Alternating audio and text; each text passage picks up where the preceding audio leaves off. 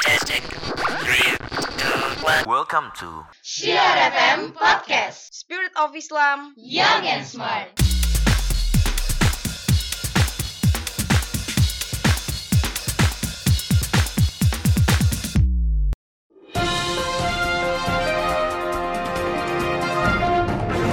Assalamualaikum warahmatullahi wabarakatuh. Sobat Syiar, saat ini Anda sedang mendengarkan Syiar News edisi Kamis 3 Oktober 2019 bersama saya Lutfiah. Inilah tiga berita utama kami hari ini. Baru sehari dilantik 335 anggota DPR dan DPD tak hadiri sidang paripurna. Demonstrasi STM, ratusan pelajar masih dicari orang tuanya Paloh sebut Jokowi, parpol pengusung sepakat tolak perpu KPK.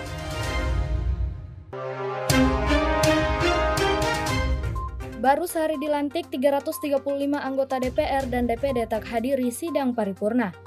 Dilansir dari kompas.com, hampir setengah anggota DPR dan DPD tak menghadiri sidang paripurna MPR pada Rabu 2 Oktober 2019. Dari 711 anggota DPR dan DPD, hanya 376 anggota yang hadir berdasar absensi yang dibacakan saat pembukaan sidang. Artinya 335 anggota lainnya tidak hadir, padahal mereka baru saja dilantik dan diambil sumpahnya sebagai anggota DPR dan DPD pada Selasa 1 Oktober 2019 kemarin. Bahkan satu pimpinan sementara MPR Sabam Sirait yang harusnya memimpin jalannya sidang juga ikut absen, akhirnya sidang hanya dipimpin oleh satu pimpinan, yakni Hilary Brigita Lasut. Hal itu membuat perdebatan terkait keabsahan sidang. Akhirnya sidang sempat diskor sementara untuk melakukan rapat konsultasi antar fraksi.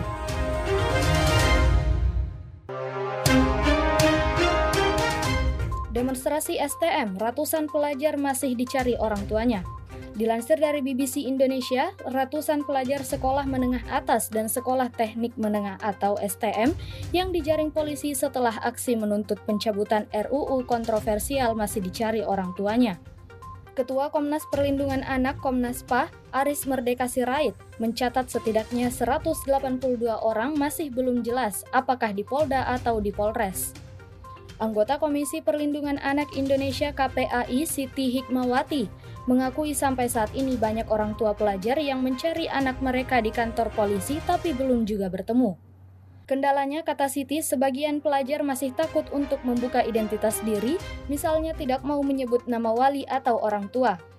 Dalam proses identifikasi, pelajar yang teridentifikasi membawa senjata tajam terbukti mencederai orang lain atau merusak fasilitas umum. Sementara itu, kepolisian mengklaim sebagian pelajar yang ditahan di tingkat Polres hingga Polda sebagian besar sudah dibebaskan.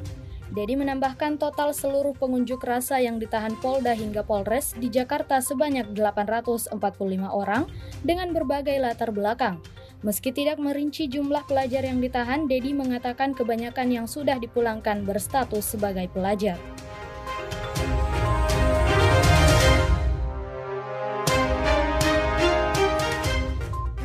Sebut Jokowi, parpol pengusung sepakat tolak perpu KPK. Dilansir dari CNN Indonesia, Ketua Umum Partai Nasdem Surya Paloh menyebut Presiden Joko Widodo bersama sejumlah parpol pengusung satu bahasa untuk menolak mengeluarkan peraturan pemerintah pengganti Undang-Undang Komisi Pemberantasan Korupsi. Soal perpu menurut Surya belum terpikirkan oleh pihaknya sama sekali. Soal Perpu, kata dia memang menjadi salah satu pembahasan yang dilakukan oleh petinggi partai pengusung bersama Jokowi beberapa waktu lalu di Istana Bogor. Paloh menjelaskan saat itu ada kesepakatan dari kedua belah pihak bahwa Perpu tak perlu dikeluarkan saat ini, lantaran Undang-Undang KPK yang baru disahkan pada 17 September lalu itu sudah digugat ke Mahkamah Konstitusi. Paloh menyebut polemik muncul karena aksi politisasi, bertujuan menimbulkan hilangnya kepercayaan terhadap Jokowi selaku pemimpin negara. Meski Perpu dipastikan tak akan keluar, dia memastikan sejumlah revisi undang-undang yang bermasalah statusnya akan tetap ditunda hingga waktu yang tak bisa ditetapkan. Sobat Ciar, itulah tadi rangkuman berita pada edisi kali ini. Selanjutnya saya serahkan ke rekan saya, Fikir.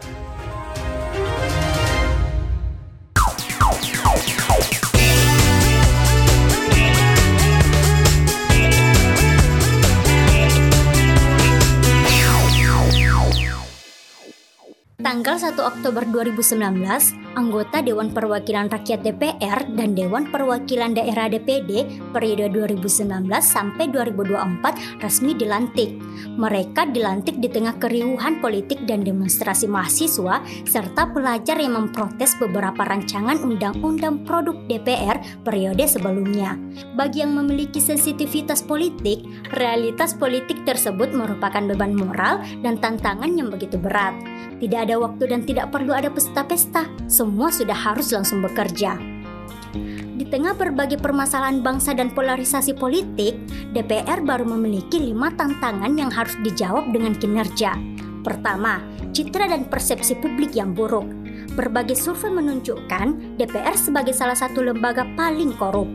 Aroma kolusi dan korupsi di DPR begitu semerbak.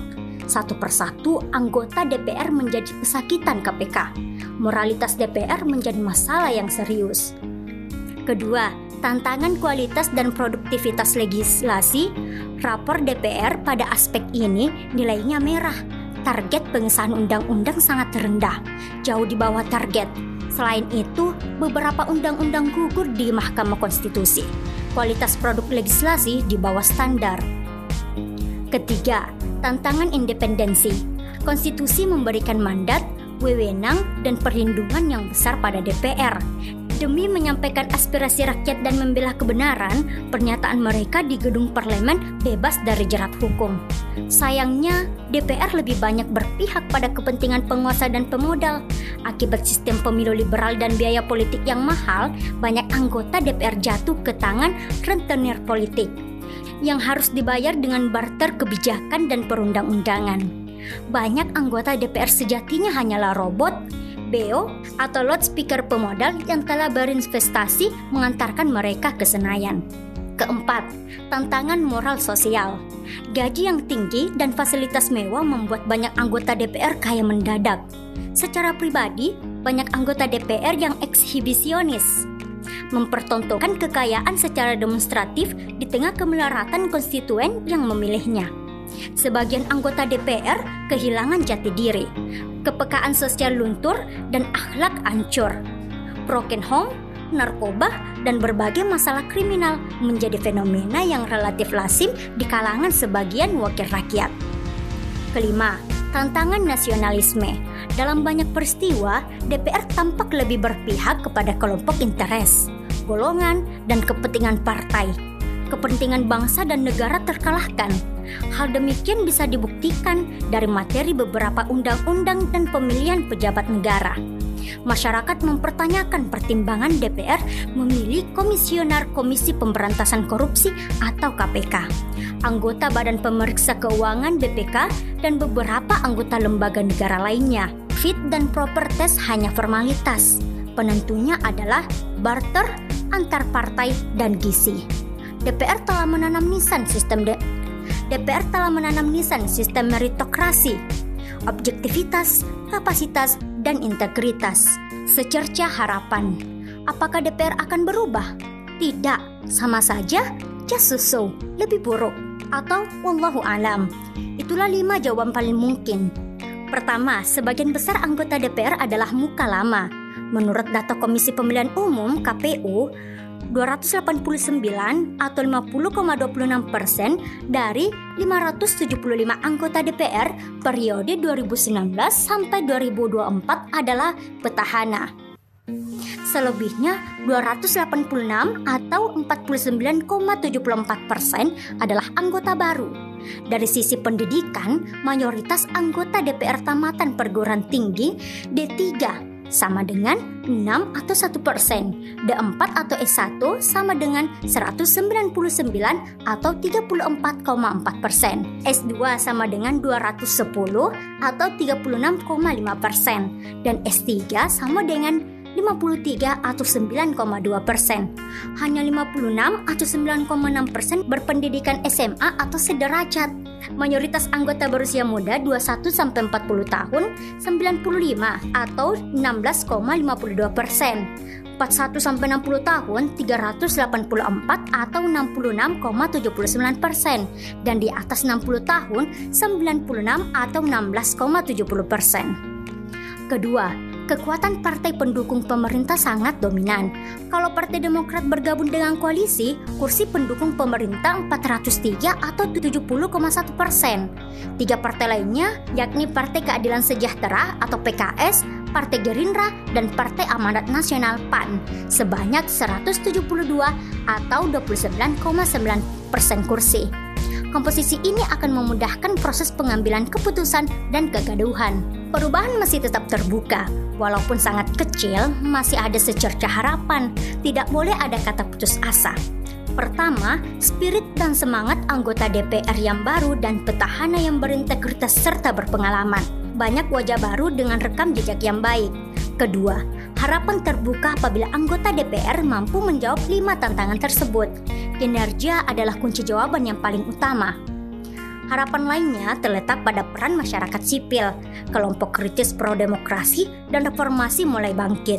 Seperti ada reinkarnasi mahasiswa sebagai kekuatan kontrol, DPR perlu lebih banyak berkomunikasi dengan masyarakat sipil.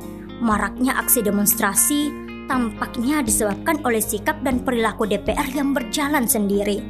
Menutup telinga, tidak melihat dengan hati yang jernih, mata yang awas, dan tidak berbicara dengan masyarakat. Ibarat sebuah kelahiran, pelantikan adalah momentum bagi DPR untuk hadir sebagai sosok baru. Masyarakat berharap DPR berubah menjadi lembaga yang lebih amanah. Hmm, kita harap begitu ya, Sobat Syiar. Saya kembalikan ke rekan saya, Lutfia.